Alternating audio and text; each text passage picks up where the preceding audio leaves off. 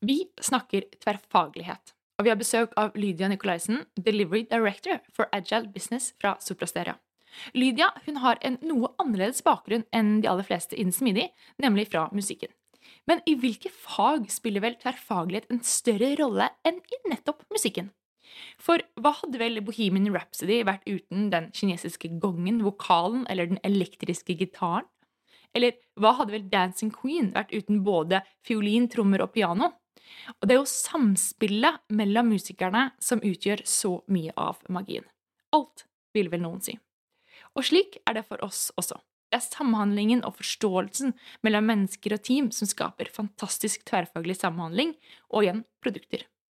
Så vi snakker om hva tverrfaglighet er, hvorfor vi ønsker oss det, hva de ønskede effektene er, hvordan vi skal oppnå det, men også utfordringer og fallgruver, ressurs jeg hater det ordet, versus flyteffektivitet, kultur og verdier, og så krydrer vi det hele så klart med eksempler.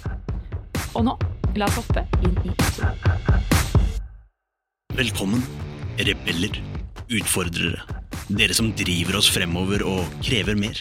Dere som vil gjøre en forskjell. Skape magiske arbeidsplasser med lykkelige mennesker som skaper produkter som kunden deres elsker. Men 75% av nordmenn føler lite eller ingen engasjement i jobben sin. 94% av ledere sier jo at smidighet og samarbeid er kritiske faktorer for at deres organisasjon skal lykkes. Men kun 6% av dem mener selv at de er smidige. Dette er podden som vil inspirere, gi deg konkrete tips og verktøy som vil hjelpe deg med å skape endringsdyktige organisasjoner med høyt engasjerte og motiverte ansatte som lager uslåelige produkter. Med Ida Kjær og ved sin side har hun Tobias Falkberger. Nå kjører vi! Hei, og velkommen til eh, Smidigpodden, Lydia. Tusen takk. Veldig hyggelig å ha deg med på, på podkasten. Vi har et superspennende tema i dag. Det er tverrfaglighet. Men før vi stuper ned i det, har du lyst til å fortelle litt om deg selv? Hvem er egentlig Lydia? Ja, hvem er jeg? Jeg eh, er i utgangspunktet en musiker. Eh, på et eller annet tidspunkt så skulle jeg bli låtskriver og eh, sanger. R&B-sanger, faktisk. Oi! Ja. Kult. Jeg studerte musikk på LIPA, også kalt Paul McCartney-skolen i Liverpool. Og da jeg kom hjem derfra, så eh, ville jeg, trengte jeg noen penger for å finansiere musikken min, og da begynte jeg å jobbe i Nets, som den gang het Bankenes betalingssentral. Startet med support på betalingsterminaler, og fant ganske fort ut at jeg var eh, veldig interessert i å finne ut hvordan disse fungerte Mm. på baksiden. Eh, og eh, jobbet meg vel litt igjennom eh, den organisasjonen i mange forskjellige roller gjennom eh, elleve år. Eh, ledet eh, forskjellige avdelinger der også, og ble på et tidspunkt introdusert til Lean.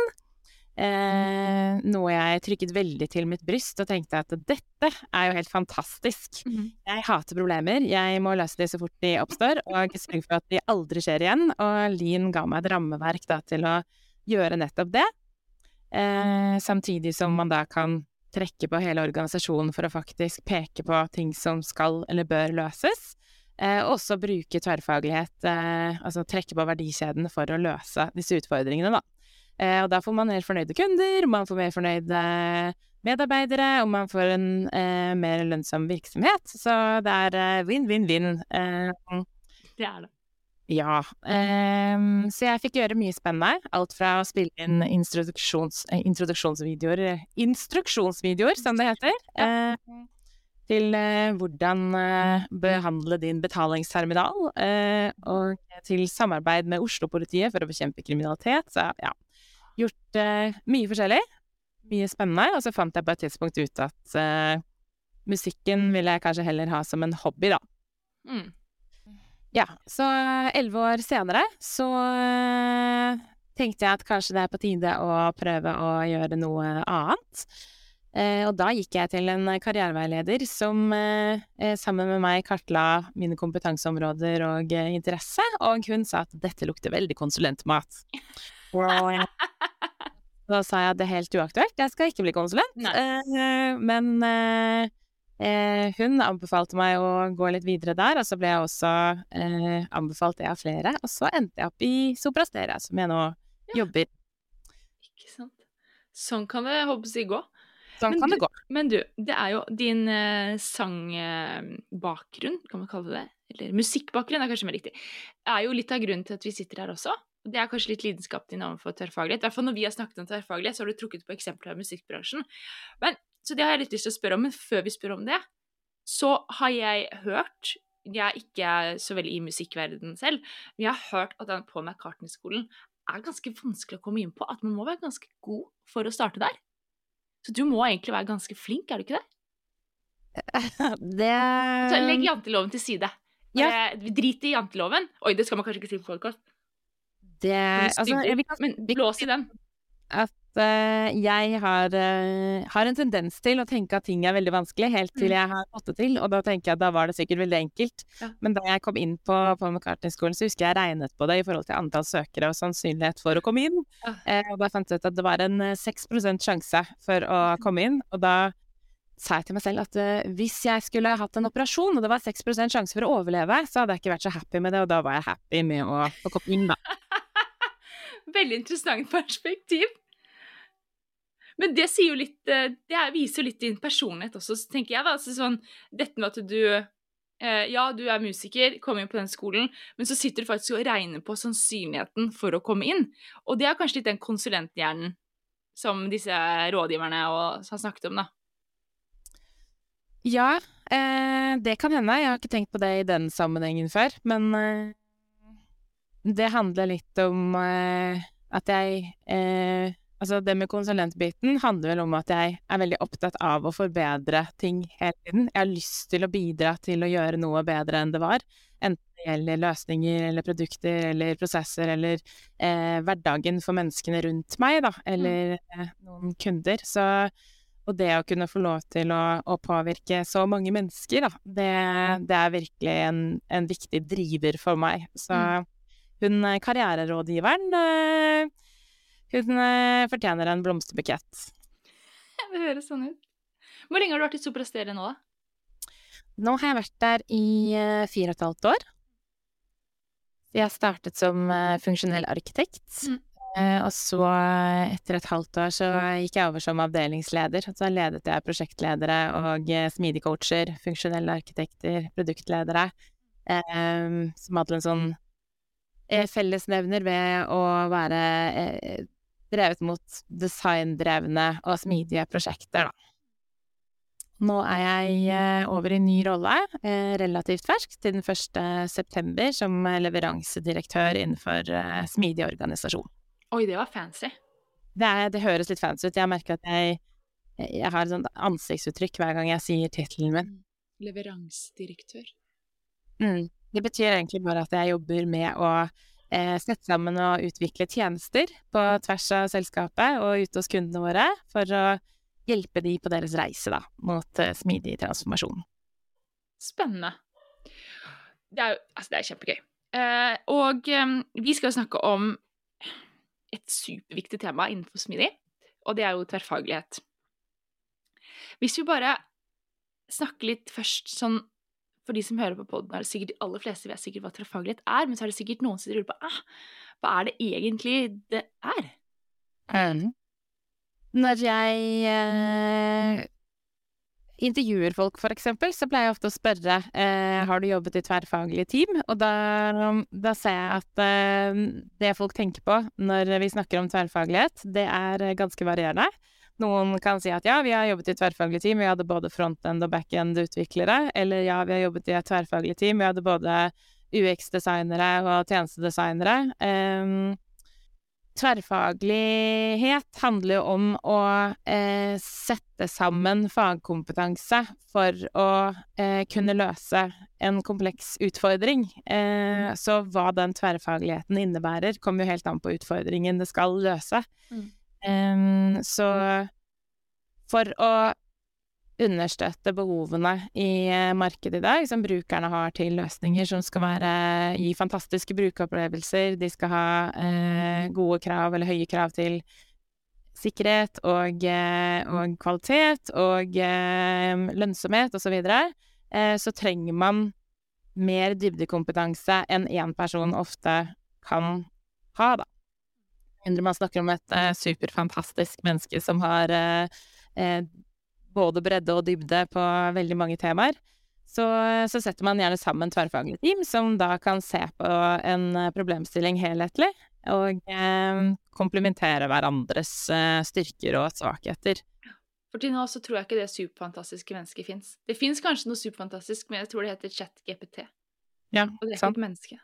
Nei. men du, jeg tenkte på en Ja, sorry. Hva sa du? Nei, altså uansett om du har dette superfantastiske mennesket, så får du ikke den samme eh, Du får ikke den verdien av flere mennesker som diskuterer sammen, da, og utfordrer Mm. og utfyller hverandres eh, tanker og ideer. Så allikevel så er det ikke like bra, vil jeg Mm. si. Nettopp. Men det jeg syns um, Det var litt sånn spennende det du sier nå. Fordi uh, i ordet tverrfaglighet så ligger ordet faglig, som hentyder at det er liksom kunnskap, fag, som på en måte skal Det er fokuset. Men så snakker vi også om mennesker. Tenker du også at tverrfaglighet kan ha noe å gjøre med eh, For du snakker liksom det, det om å, å snakke sammen, ikke sant? Ja. hva tenker du om det med ulike personlighetstyper, uh, ulikt mindset? Altså, tror du det også er relatert til tverrfaglighet, eller tenker du på tverrfaglighet som sånn kun fag? Jeg tenker på begge deler. Mm. Og det Altså, forskning viser jo at mangfold lønner seg. Mm. Eh, og det gjelder jo både da faglig bakgrunn og eh, oppvekst, eh, verdier, preferanser, eh, legning osv. Så, videre. så det er jo mange forskjellige eh, dimensjoner det er snakk om. Eh, og jo mer forskjellige vi er, eh, jo ofte vanskeligere blir jo samarbeidet. Det er mye enklere å samarbeide med mennesker som er helt like som meg, som har de samme perspektivene og ser ting på lik måte. Da har vi veldig enkle, enkle, fine diskusjoner, og så konkluderer vi raskt, og så føles det veldig tilfredsstillende der og da, og så eh, Men så blir det kanskje ikke like verdifullt, det vi kommer fram til, da. Mm. Eh, Vi har kanskje tenkt på alle perspektivene, og når det gjelder tverrfaglighet, så eh, så er det jo nettopp det å ha et annet perspektiv, da, en annen linse eh, du Mm. ser gjennom når du ser på en problemstilling, eh, som gjør at du reduserer risiko fordi du klarer å fange opp kanskje flere eh, de, ja, flere områder enn det du klarer som eh, en gjeng med like mennesker. Eh, og eh, det at det er vanskelig, vil ikke, der, vil ikke dermed si at det ikke er verdt det, da. Fordi det å få disse menneskene til å spille på lag og forstå hverandre, fordi du må, du må forstå litt av andres eh, både fagområder og personligheter for at du skal få et tverrfaglig team til å fungere optimalt, da. Mm. Det er eh, veldig, veldig spennende. Et um, argument som jeg har møtt veldig mye, da, uh, som smidig coach, er jo at i liksom dette med tverrfaglighet og tverrfaglig team, er det at det er jo Å ha tverrfaglig team, for å si det rett ut, det er jo ikke billig. Um, hvis du skal ha mange tverrfaglige team, så er det jo ganske uh, mange personer, rett og slett, som du må ansette, ha i hvert eneste team, som kan øke kostnadene til selskapet ganske betydelig, samtidig som det er veldig mange som tror at smidig er lik um, er like billig eller mer effektivt, eller kall det hva du vil, da. Hva tenker du om det? For det første så, så er det jo ikke alltid at du skal ha 100% av alle rollene i et uh, kjerneteam. Em, mengden, eh, altså sammensetningen av mennesker vil jo variere gjennom levetiden til et eh, prosjekt eller et eh, team.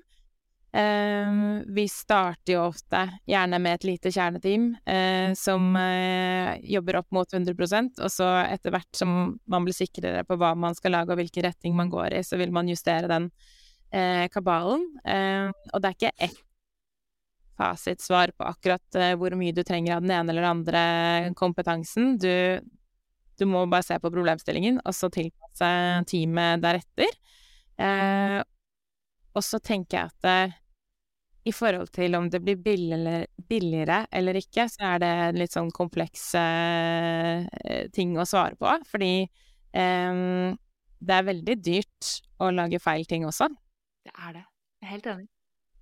Så um, det Og det er også eh, Det er også kanskje eh, Altså hvis du har den riktige sammensetning av mennesker som faktisk kan ta riktige beslutninger, og som får den tilliten sånn at de faktisk kan ta disse beslutningene, eh, så vil du også kanskje nettopp spare litt tid, eh, fordi jeg ser det er jo en del flaskehalser vi støter på rundt omkring i forskjellige beslutningsråd og eh, andre mennesker som har veldig tette kalendere som man er nødt til å, å sette inn i en problemstilling for at de skal komme med en beslutning, som da gjør at mange mennesker sitter der uten nødvendigvis å eh, få jobbet mest mulig effektivt, da. Det koster jo også penger.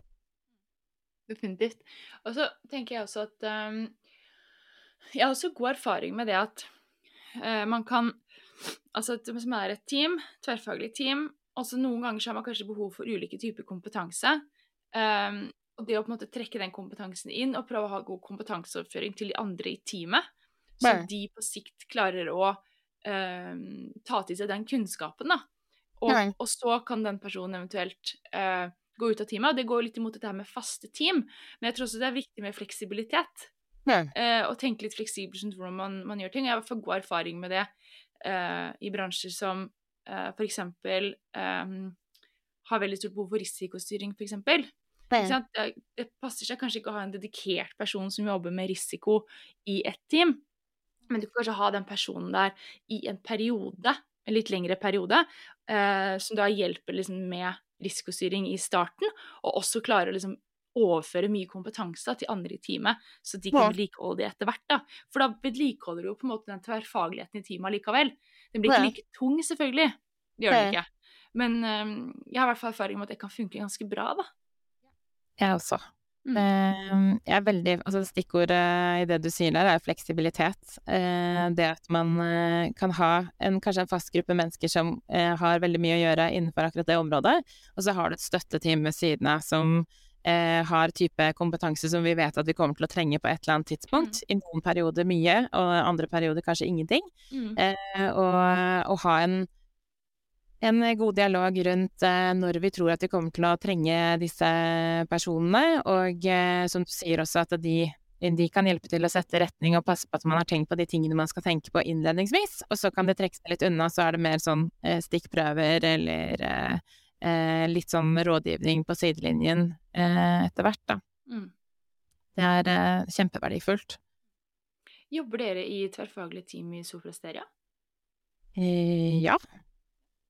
Det gjør vi. Um, altså, du tenker internt? Ja, jeg tenker når dere er eh, Når, du, når dere er ute hos kunder, for eksempel.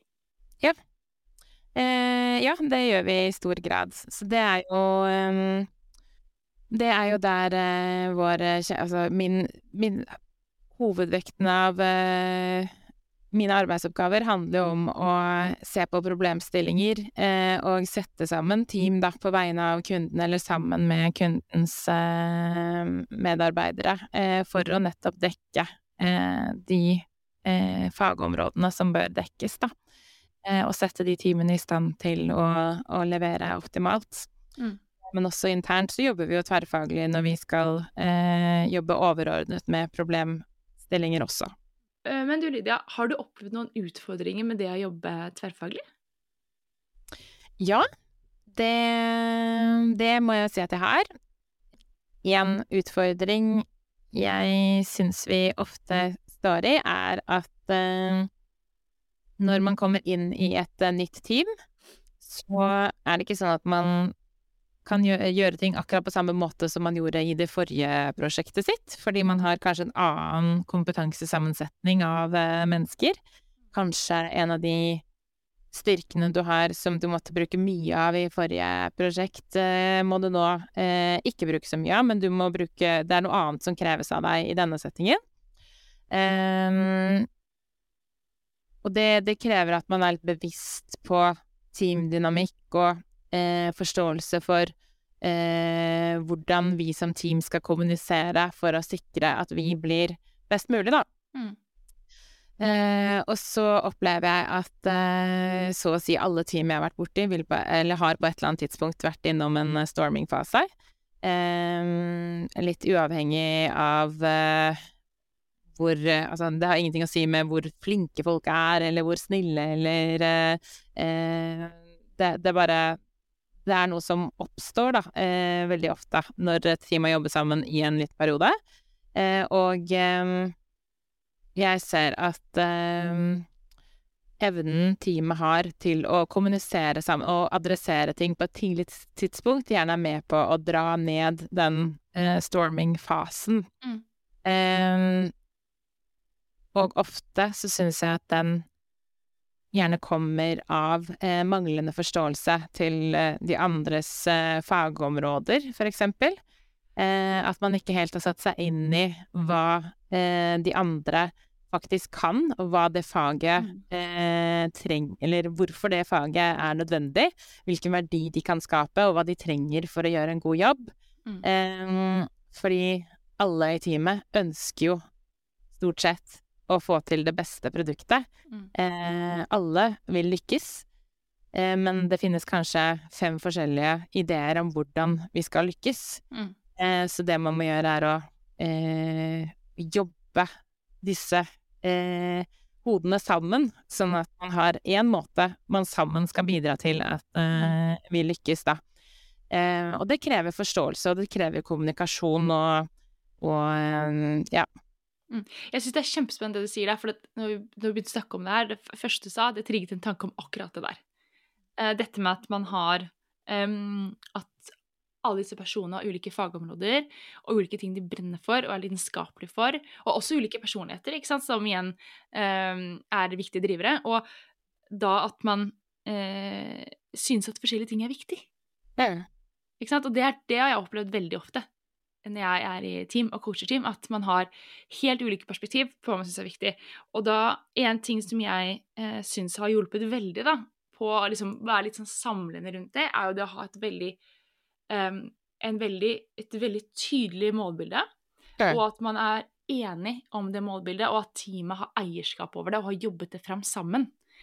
Fordi da klarer kanskje mm, de personene å si OK, men akkurat nå så kan jeg bidra med dette, men det er kanskje ikke det som er viktigst, det er kanskje dette, og jeg kan bidra på den måten inn der med min fagkunnskap.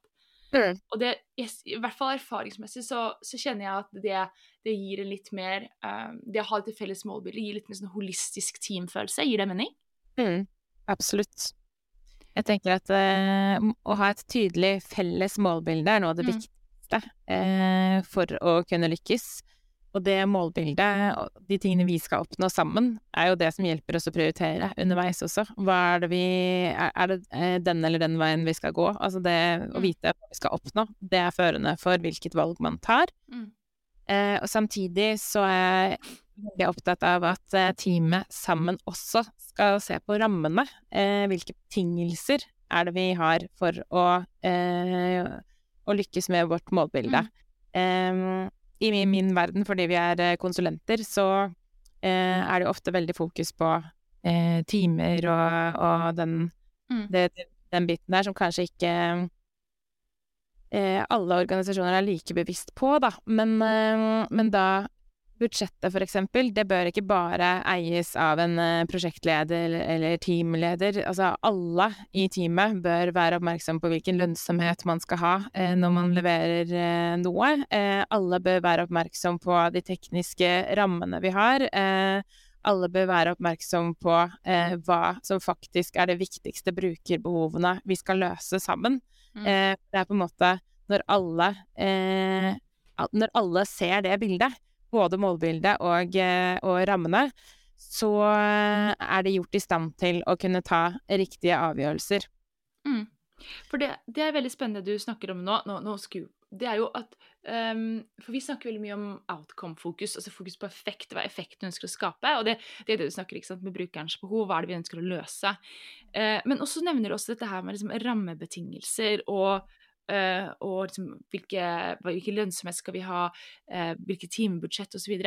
Kan du forklare litt mer, for vi snakker jo ofte om at det på en måte Hvorfor er det så viktig? Du er litt inne på det, men Fordi eh, om du skal gjøre en ting eller ikke, Mm. er jo en kost-nytte-vurdering, ikke sant? Altså Mm. hvilken verdi får jeg ut av å gjøre dette her, og hva vil det koste meg å, å gjøre det? Eh, så den vurderingen man har tatt før man setter i gang med eh, et initiativ, eh, den må jo evalueres hvis man ser at kostnaden går eh, veldig opp i forhold til eh, hva man først trodde. Og det kan jo skje, og det kan jo fremdeles være at eh, etter å ha tatt den vurderingen, så ser man at ja, men det er fortsatt verdt det. Vi, vi kjører på. Men min erfaring er at det er ekstremt viktig å ha en plan for hva man tenker at man skal oppnå, og hvordan man har tenkt å komme dit. Og så må man vite at den planen Den kommer til å endre seg, eh, og vi må gjøre justeringer underveis. Eh, men vi bør, eh, hvis man ikke har en plan, da ikke jobber eh, innenfor noen bevisste rammer, så kan ting skli ut eh, veldig. Man kan ta seg litt for god tid, og man tar ikke de man har ikke kniven på strupen i like stor Mm. grad når det gjelder å prioritere, eksempel. Mm. Eh, Jeg har jo vært med i mm, Eller sett prosjekter hvor eh, man i begynnelsen av eh, prosjektet så eh, tar man kanskje med litt mer av, eh, av eh, funksjonalitet og eh, ting eh, enn det man På slutten så ser man at OK, greit, vi kommer ikke til å rekke alt dette her, vi må prioritere med hard hånd, ikke sant? Men det å føle den sense of urgency helt i begynnelsen av prosjektet, og ha den veldig disiplinerte prioriteringen av oppgaver Mm. helt i begynnelsen, vil gjøre at du klarer å få med mye mer verdi da, enn Mm. eh, om du bare tar med alt. Eh, alt. Og i begynnelsen av et prosjekt så jobber man jo gjerne kanskje også med en del innsiktsarbeid, Mm. eh, og det er ikke alltid vi har råd til å være idealister, da, og, og, og tenke at eh, ja, men eh, per, i en perfekt verden så vil jeg kanskje ha eh, snakket med altså 30 eh, kunder og jobbet et halvt år med innsiktsarbeid før vi går i gang med å lage noen ting. Kanskje har vi ikke de rammene. Eh, dermed så må vi finne andre måter å skaffe oss det vi trenger på, da, enn å nødvendigvis intervjue så mange personer, eller altså Ja. Eh, det, det handler Ser du rammene, så vet du også hvordan du kan jobbe eh, for å oppnå de tingene du trenger, da. Selv om du ikke kan jobbe på akkurat den måten du i utgangspunktet hadde ønsket det. Mm. Jeg syns det var veldig eh, fint eh, perspektiv. Altså dette med da se på outcomen og se på rammene, ok, og da klare å lage en holistisk plan, da. Og det at man da eh, Eller unnskyld, at man da klarer som eh, som en del av teamet og ha et holistisk tankesett. Det var det jeg skulle si. Eh, og da klarer å utvikle en plan som er liksom realistisk, da. Men du nevnte jo også dette her med plan. Eh, og, og tenker at liksom, det er litt viktig å liksom bare vie litt tid til det òg. Fordi de aller fleste det er liksom klisjé å si, men de aller fleste tror at smidig handler om ikke å ha en plan. Eh, og så sier du nå at man skal ha en plan, men man skal vite at planen kan endres. Eh, når er det en plan, når er det ikke lenger en plan? Og hva, hva tenker du om det? Jeg tenker at hvis man ikke har en plan for hvordan man har tenkt å gå fram, og hva man har lyst til å, å oppnå, så blir det litt for tilfeldig hva man faktisk får til. Um, og jeg syns det er en, um, en litt misforstått greie som jeg opplever at uh, jeg møter på innimellom, da, at man ikke skal ha en plan fordi man skal jobbe smidig. Og det er Jeg syns det er så viktig. Eh, og både i forhold til å kunne skape tillit eh, både til de som, eh, som skal betale for eh, det vi skal gjøre, eh, og eh, til hverandre, altså alle interessenter, eh, så har vi tenkt igjennom hvordan vi skal komme dit. Eh, og så i, i hele den smidige tilnærmingen så handler det jo om at vi vet ikke alt til å begynne med, ikke sant? Men vi vet noe, og vi planlegger ut ifra det vi vet. Så etter hvert som vi går, så vil vi bli klokere, vi vil lære mer, og da justerer vi også planen deretter. Um, så en plan er jo livsfarlig hvis du ikke tenker at den skal evalueres og eh, justeres underveis. Mm. Men du må ha en plan. Mm. Eh, ellers så eh, Du altså, må ha en plan for planen. Plan for at planen kan justeres. Ja, du må ha en plan for planen. Men eh, jeg syns det du sier er kjempeviktig, fordi at jeg syns dette her med eh, liksom forutsigbarhet er kraftig undervurdert. Eh, de aller fleste mennesker liker noen grad av liksom eh, Og når jeg tenker forutsigbarhet, så tenker jeg ikke sånn ja, du skal vite hva som skjer, men litt den der at du, kan, du har litt sånn roa, roen i deg da, til å kunne jobbe med, med det du eh, skal prioritere, da. Og at man har faktisk prioritert sammen. Og så tenker jeg at det er forskjell på en detaljert Excel-plan eh, versus på en måte mer en tydelig retning i form av en plan. Gir det mening? At det er liksom litt sånn forskjell liksom, Du trenger ikke ha et Gantt-chart nødvendigvis. Det blir kanskje Noen vil kanskje ha det, men du trenger ikke det. Nei, altså som regel så pleier vi å planlegge i store linjer framover. og så litt mer detalj i den første perioden som nærmer seg. Ikke Eh. sant? Og så når dere kommer til den neste perioden, så gjør dere det tilsvarende der, og så på en måte jobber dere dere. For det, det er ikke vits å bruke mye tid på å planlegge ting som ikke kommer til å bli sånn som du tenker uansett, for når du kommer dit, så vil du mest sannsynlig måtte justere uansett. Det er akkurat det. Det er akkurat det. Og det er liksom unødvendig å legge ned masse arbeidskapasitet og få masse eierskap over noe som kanskje bare blir skrotet. Mm. Og det er jo også en ting som, eh, som jeg har erfart, er jo det at hvis du legger en veldig detaljert plan, også langt frem i tid, så er det noen som kommer til å få eierskap over den planen. Og når du kommer dit, og så skjer ikke det, det skjer noe annet, det er dette med forutsigbarheten. ikke sant? De har sett for seg at det er dette som skal skje, og så blir det sånn Nei, men vi kan ikke gjøre dette fordi at XYZ har skjedd. Da er det alltid noen som blir skuffa, det er alltid noen som du må liksom jobbe med å overbevise. Det går mye tid til det, istedenfor at man kan heller finne ro i det at ja, men nå har vi forutsigbarhet nå. Og så når vi kommer dit, så må vi på en måte sette den presensen på nytt, da. Og det handler jo om kommunikasjon også, hvordan du kommuniserer den planen, ikke sant. At det, det er også kjempeviktig at vi Mm. snakker om denne planen. Den eh, Ja, vi har en plan for planen, som du sier. Mm. Eh, og det samme Jeg trekker en parallell til det å kunne snakke med brukere på et tidlig tidspunkt, da, når du utvikler noen ting. Ja. Fordi mange er litt redde for det også. For altså, ja, men vi skal jo late som vi kan alt, på en måte, og vi, skal, vi må planlegge litt mer, og Mhm. vi må finne ut av Og vi, vår erfaring er at eh, hvis vi viser dem en uferdig løsning, så kanskje brukeren eh, knytter seg for mye til det, sånn at de blir skuffa hvis ikke den blir akkurat sånn som de hadde tenkt seg, og ikke sant? Mm. Det handler også om kommunikasjon. At når Ja. du da om dette, så forklarer du hvorfor vi viser frem dette på et tidlig tidspunkt, at mye kommer til å endre seg, at dette er for å rett og slett bare validere, og dette Mm. er måten vi jobber på, eh, så vil du ikke få den samme eh, opplevelsen, eller at folk fester seg så til det du viser, da, enten det er en plan eller eh, deler av en løsning. Mm. Det er også fascinerende det du sier der, at kundene liksom fester seg til en løsning. Har du erfart at kunder faktisk gjør det? Ikke personlig, nei. Nei, ikke jeg heller. Jeg lurer på om det er en myte. Ja, det kan ikke. hende. Fordi jeg tenker i hvert fall selv da, som, som, uh, som kunde, og alle de andre jeg som jeg har snakket med som er kunder av eh, ting og tang, er jo det at man blir jo glad når ting endrer seg og ting utvikler seg, og du ser at ah, men noen har prioritert dette her. Noen har jobbet med dette her. Det er jo kjempefint. Noen har valgt å jobbe med det jeg eh, syns er et eh, bra produkt, det jeg har troa på, da. De fleste blir jo litt glad. Ja. S eh, og det er ikke Altså, noen ganger så er det kanskje ting man skulle ønske seg som ikke kommer med i første runde heller, ikke sant? Er Men hvis, hvis smidig og ikke fossefall, så er det kanskje ikke så lenge til du vil få den type funksjonalitet heller.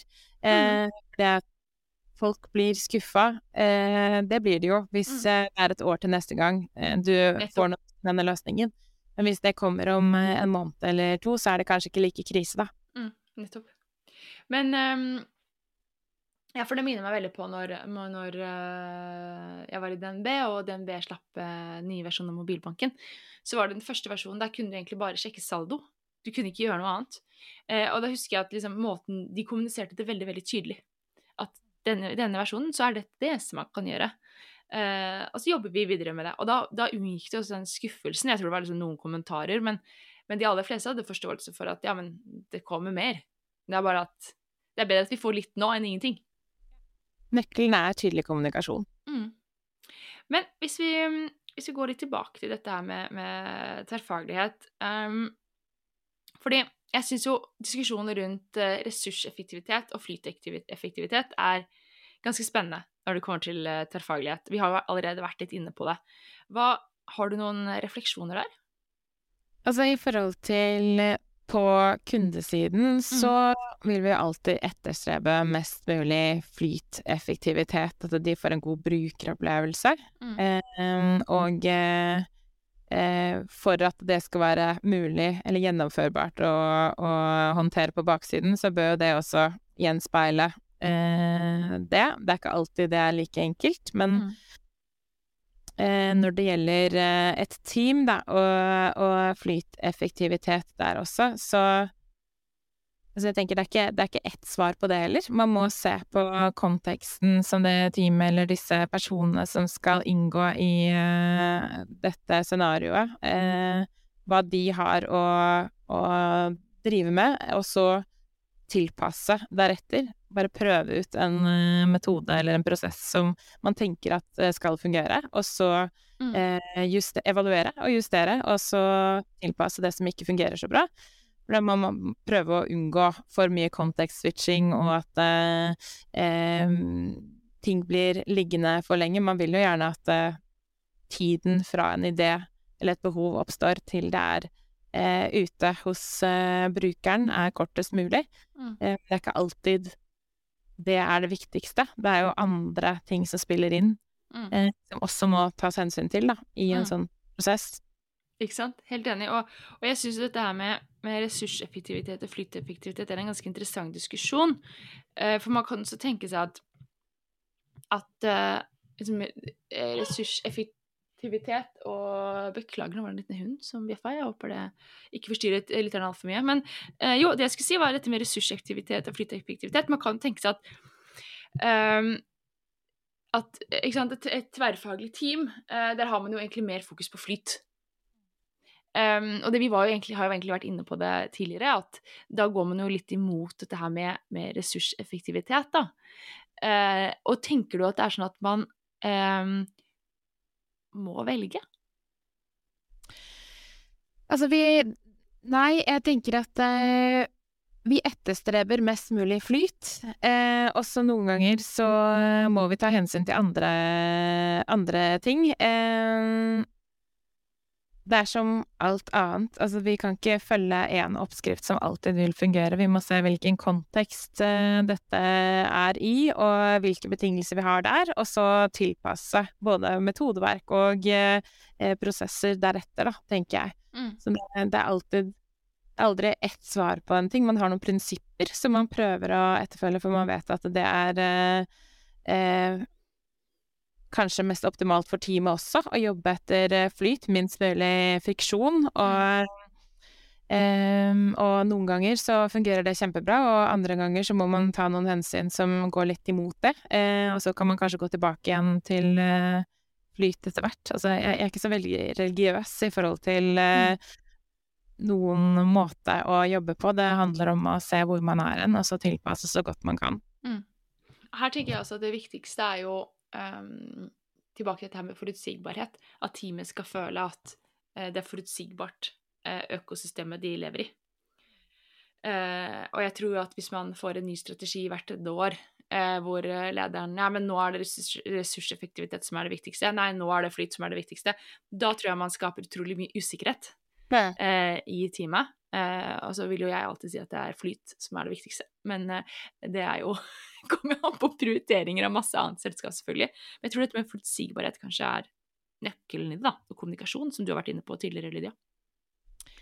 Ja, altså det, det, det er jo flere ting man, eh, man kan etterstrebe eller måle på, da. Så det ene er på en måte mm, eh, flyten og, og um, hvor lang tid, eller lead time, da, som du eh, snakker om. Um, andre ting er jo tilfredshet, altså hvor eh, fornøyde er, eh, er eh, organis eller de som jobber på denne måten, Mm. med å jobbe på denne måten, og eh, eh, også eh, så er det andre hensyn rundt i organisasjonen sikkert, som også eh, trenger sitt. Mm. Eh, og så på en måte prøve å balansere disse tingene opp mot hverandre, da. Ikke sant? Mm. Men du, det er én ting Nå ser jeg liksom at tiden begynner å løpe litt fra oss. Eh, men jeg har eh, Jeg syns det er litt viktig, da, før vi avslutter, å snakke litt om eh, kultur, ledelse og verdier i, eh, i forbindelse med et tverrfaglig team. Er det noe man hvis vi kan starte med kultur, da så kan vi på en måte jobbe oss gjennom Vi kan starte med verdi, ja, vi kan starte med kultur. Og så kan vi jobbe oss litt gjennom på en måte eh, med en tverrfaglig hatt på. Gir det mening? Det gir mening. Ja, Hva tenker du om kultur og tverrfaglighet? Er det noe spesielt man burde tenke på når man skal lede sånne team? Altså, det krever eh, Vi har vært litt inne på kommunikasjon. Eh, og hvis et team skal oppnå eh, sitt fulle potensial, og da snakker vi om den magien som oppstår når alle på en måte spiller inn mot et felles mål, da, eh, og kan spille videre på hverandres Mm. ideer og, eh, og utfordre hverandre uten at man blir uvenner etterpå, eller eh, det, hvis man skal oppnå det, så trenger man å jobbe med kommunikasjon. Man trenger å jobbe med trygghet, psykologisk trygghet. Man må ha tillit til hverandre. Man må ha tillit til at det er ok å være meg og ha mine meninger, og det, må, det, er, eh, det er, lov å si um, Jeg må føle meg trygg på at jeg kan si at jeg er ikke helt sikker på om den løsningen vil fungere. Hvis ikke jeg mm. føler meg trygg på det, så har vi en kjemperisiko. Da, det, da fungerer ikke dette tverrfaglige teamet sånn som um, man hadde trengt. Mm. Eh, jeg har jo selv opplevd å eh, sitte og, og, pønske på en eller annen løsning for å knekke et eh, problem som vi hadde strevd med en stund, og funnet at ja, nå har jeg Nå tror jeg jeg har den løsningen på dette her. Bare vent litt, folkens. Vær så god. Eh, her skal vi. Eh, og så opplever jeg at noen sier sånn Ja, men hva med Eller har du tenkt på å og kjenner jo at stoltheten eh, knekker jo litt da. Eh, det er ikke så stilig at eh, noen setter spørsmålstegn med den fantastiske ideen som jeg føler at jeg kommer med, men det er ikke jeg som er viktigst, ikke sant? Det er ikke min stolthet som er viktigst der. Det viktigste er jo at vi sammen da kommer fram til en løsning som faktisk løser dette problemet på en god måte, og ivaretar alle kravene, da. Så det å kunne legge den eh, stoltheten litt til side, og at det er greit for andre å, å nettopp eh, si disse tingene de tenker på, da. Det er mm. ekstremt det. Så det handler både om åpenhet, det handler om respekt, det handler om eh, Det handler om at eh, vi har et felles eh, felles mål som vi alle sammen jobber uh, mot, da, og at vi snakker om dette målet, og at vi um, mm vi er opp, mer opptatt av det enn uh, en våre egne eh, egoer. Mm.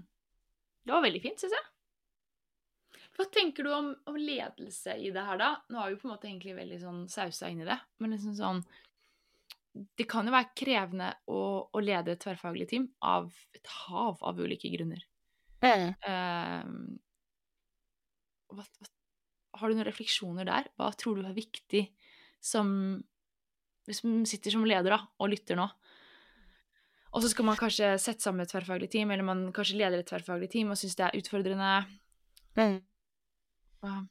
Jeg tenker at eh, å starte riktig er jo eh, veldig viktig. Eh, og um, Team Canvas eller en eller annen form for eh, sesjon hvor man setter seg ned og faktisk snakker om både, som du var inne på, hvor skal vi, hva er målsetningen vår, mm. Eh, hvilke rammer har vi, eh, hva er våre verdier, hva er greit og ikke greit i måten vi som team samhandler på. Eh, hvilke roller eh, opplever vi at eh, vi har? Hvilke styrker og svakheter har vi eh, som individer, og dermed også som team? Mm. Eh, og så tenker jeg at eh, Eh, har du et team som da eh, setter i gang og finner ut av hvordan skal vi jobbe best mulig sammen, eh, hvordan skal vi dele og samhandle og evaluere, så er jo det helt strålende. Men ofte så ser du kanskje at noen ikke snakker like mye som andre, at man ikke kanskje får hentet ut alt det gullet noen sitter og bærer på, da. Mm. Eh, og, og, da, som leder, så er det viktig å, å identifisere det og, og eh, fasilitere og sikre at man eh, får ta tak i de tingene, sånn at alle bidrar eh, der de bør, da. For det, er ikke bare Du er ikke i det teamet bare for grunn av din, din, faglige bakgrunn. Du mm. skal også gi din personlige mening, ikke sant. Altså det er viktig at alle, alle er med. Eh, så det, det, handler om det, og så handler det om å hjelpe teamet å løfte blikket hvis man graver seg ned i, i eh, problemstillinger eh, som kanskje ikke er like viktige, eller at man glemmer hvorfor man egentlig er til. Så det, det er en sånn Å lede et tverrfaglig team eh, er jo ofte spesielt krevende kanskje i begynnelsen, mm. å ta team gjennom denne forming- og storming mm. Um, og uh, etter hvert litt mindre krevende, hvor det kanskje er noen små justeringer og noen uh, Ja. Uh, blir, det blir mindre og mindre behov etter hvert, da. Mm. jeg kan ikke si at jeg har opplevd den rollen som overflødig, i hvert fall. det å lede tverrfaglige team, det krever, det krever ganske mye. jeg vet at mange diskuterer på en måte prosjektlederens eh, nødvendighet, og, og ja, at man i, i trangere tider så vil man kanskje bare ha utviklerne og ikke noen som leder dem, men igjen, som vi var inne på, hva, hva som er mest kostbart i lengden, det, Mm. det er også et regnestykke, da, i forhold til å jobbe på smartest mulig vis. Ikke sant? Og om det er en prosjektleder eller en uh, produktleder, en annen type leder. Samme, Mm. samme hva man kaller det, men en eller annen som er ansvarlig Mm. for å sikre at eh, teamet har fokus på de rette tingene. At man eh, løser konflikter som oppstår. At man eh, hele tiden jobber med å forbedre seg, og at man ha, passer på også ha en god kommunikasjon med resten av organisasjonen i forhold til å få fram eh, hva man har lært, for å spre læring, og også eh, spre eh, seire, sånn at eh, man, man, teamet får den roen og den tilliten til å få lov til å jobbe på det viset de ønsker, da. Ikke sant? Det syns jeg var veldig vakkert. Og så tenker jeg at eh, nå har tiden vår eh, løpt litt fra oss, Lydia. Så jeg Ja. tenker vi skal avslutte med de siste spørsmålene. For det var sånn veldig sånn vakker måte å avslutte det på. Eller har du noe mer du har lyst noe, noe mer på hjertet? Nei, jeg tror vi har vært igjennom eh, ganske, ganske mye. Mye spennende. Jeg tror det. Vi kunne, jeg tror vi kunne sittet og snakket lenge. Vi har sittet og snakket lenge før vi begynte å spille nå, altså. Men du, hva ville du fortalt 20 år gamle deg selv, Lydia? Ja eh, Jeg måtte tenke litt på den der. Jeg, eh, jeg tror jeg ville sagt at eh, jeg kan slappe av litt mer. Det går bra. Det er fint. Ja. Bare følg etter eh, de tingene som du syns er spennende og gøy og givende, så blir veien til mens du går. Og for å være litt sånn personlig også, eh, at eh, jeg eh, kommer senere til å innse at eh, eller du har et uh, imposter syndrom som du kan le litt av på Sånn er det. Det er ikke bare bare. Hva, nå har vi jo snakket mye om dette med ledelse av tverrfaglig team. Men hva mener du kjennetegner en god leder? Men det er i hvert fall viktig at, at, vi, at jeg opplever at en leder er seg selv, da. Ikke prøver å spille noen andre, men at jeg, det er en person jeg kan stole på. At eh, eh, man sier eh, Man gjør som man sier. eh, og ja, uten det så er det veldig vanskelig å, å skape tillit, og uten tillit så er det veldig vanskelig å få til eh, noe som helst. Eh, og så handler det om et genuint ønske eh, i å spille folk rundt seg gode. Mm. Eh, og dytte andre frem og få de til å sprenge grenser. Så jeg har jo selv vært veldig heldig og hatt eh, flere ledere som har trodd mer på meg enn jeg har trodd på meg selv. Eh, og det har jo gjort da at jeg har våget å bryte noen grenser som jeg selv hadde satt, da. Som, da snakker vi jo om å gjøre store forskjeller i andres liv, som er veldig givende i forhold til ledelsesfaget. Og så, så er det viktig med handlekraft og, og retning, da. Ting må jo skje, og vi må vite hvor vi skal, og, eh, og sammen jobbe for å komme oss dit. Nettopp. Det er viktig for meg. Men eh, hvis eh, eh, Hvis man skal i gang med en smidtransformasjon, og så tenker man ok, eller du er i gang, eller sånn, så tenker du ok, har du noen tips, Lydia, til meg? Har du sånn tre til fem tips? Ja, eh, da tenker jeg først og fremst Som eh, leveransedirektør. Hva sier du? Jeg sa som leveransedirektøren du er. Nå har vi snakket om tverrfaglig team og den problemstillingen innenfor eh, det, da, så mm, jeg, jeg tenker at eh, innenfor for teamene så er det viktig å innse eh, Altså ha empati. Sett deg Mm. inn i andre menneskers situasjon, deres fagområder. Lær litt om hva de driver med, og hvorfor disse tingene er viktig. Vær nysgjerrig. Mm. Forstå hva, hva de trenger da, for å Mm. gjøre en god jobb, så blir det ganske mye enklere. Mm. Eh, og nummer to, eh, sørg for at eh, teamets oppgaver er samlet helst på samme sted. Om ikke på samme sted, så eh, i hvert fall et sted hvor det er tilgjengelig for alle i teamet å se. Enkelt. Eh, for eh, selv om man kanskje jobber i forskjellige sykluser og hastigheter innenfor når man jobber med konsept eller design eller utvikling, så syns jeg det er kjempeviktig at alle har et forhold til hva som jobbes med totalt sett i teamet, så at man vet når man kan eh, blande seg inn og kanskje komme med noe input til noen konsepter der, eller på noen ting som andre enn deg selv er ansvarlig for, da. Mm. Det, og akkurat hvordan man gjør det, det finnes mange, mange måter, og det må man rett og slett bare prøve ut og finne ut hva som funker best for dette teamet. Mm. Eh, og så er det det med eh, kommunikasjon og eh, informasjon, fordi eh, jeg er veldig opptatt av at alle skal eh, på et eller annet tidspunkt ha vært med på en brukertest eller et intervju eller eh, eh, Det er flere enn en bare designere som er med på innsiktsarbeid, eksempel. Mm. Men alle kan ikke være med på alt alltid, Mm. for da møter man seg jo helt i hjel. Mm. Eh, så det å på en måte finne en god balanse der, og en måte å kommunisere og dele det dere har funnet ut på, på en måte som funker for dere, eh, tenker jeg er et ekstremt viktig poeng, da. Mm. Og så, og så er det det du sa med målbildet. Altså, jeg er fan av å bare henge det opp på veggen ja, inne i teamrommet. Altså, Mm. her er det. Eh, og sånn at ikke det bare blir noe man glemmer, eh, men at vi hele Mm. tiden snakker om det. Og noen ganger så endrer også målbildet seg litt etter hvert.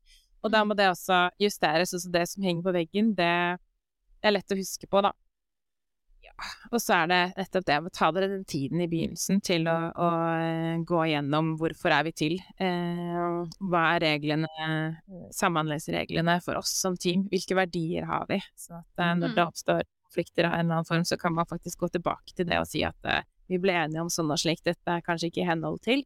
Enten må vi justere atferden, eller så må vi justere Mm. vår Mm. Ja, ha en plan. Jeg har mange Ja, jeg stopper her. Mange gode tips. Um, har du noen bøker, lydbøker eller podkaster som du vil anbefale lytterne? Ja, den siste boka jeg leste var uh, Teresa Torres' eh, 'Continuous Discovery Habits'. Jeg likte den veldig godt. Eh, jeg syns den, den beskriver ganske godt hvordan man går fram. Veldig sånn enkelt å, å ta i bruk, uh, framfor mange bøker som jobber litt mer på hvorfor og hva. Eh, og så hører jeg veldig mye på den eh, Grit-podkasten til eh, Cecilie Ystnes Myhre. Syns den er kjempespennende Mm. med psykologi og mentaltrening. Veldig fascinerende. Det Den har jeg faktisk ikke hørt på, men er på, på lista. Men da kanskje jeg skal gjøre alvor av det i dag, da. gjør alvor av det. Mm. Det anbefaler. Spennende. Og så siste er jo hvordan kommer man i kontakt med deg? Hvis man har lyst til det. Da er det bare å legge meg til på LinkedIn, eller sende meg en e-post på lydia.nikolaisen at soprasteria.com. Veldig hyggelig hvis noen vil ta kontakt. Da skal vi ta og linke opp det i episodebeskrivelsen, sånn at folk kan eh, bare klikke, liksom. Fancy. Strålende.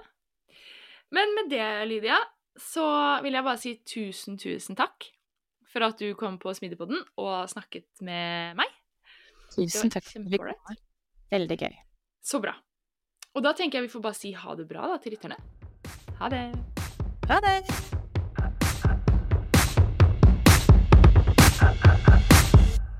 Jeg vil bare minne deg om Smidigpodden-fellesskapet. Kanskje har du lyst på eksklusiv tilgang til foredrag, kurs og masse, masse mer. Eller kanskje du bare liker denne episoden spesielt godt. Eller kanskje du bare syns Smidigpodden er som lommen i egget eller rosin i pølsa om du vil, og vil vise at du setter pris på oss. Da må du gå inn på smidigpodden.no skråstrek en kaffe for å bli en del av Smidigpodden-fellesskapet. Håper å se deg der.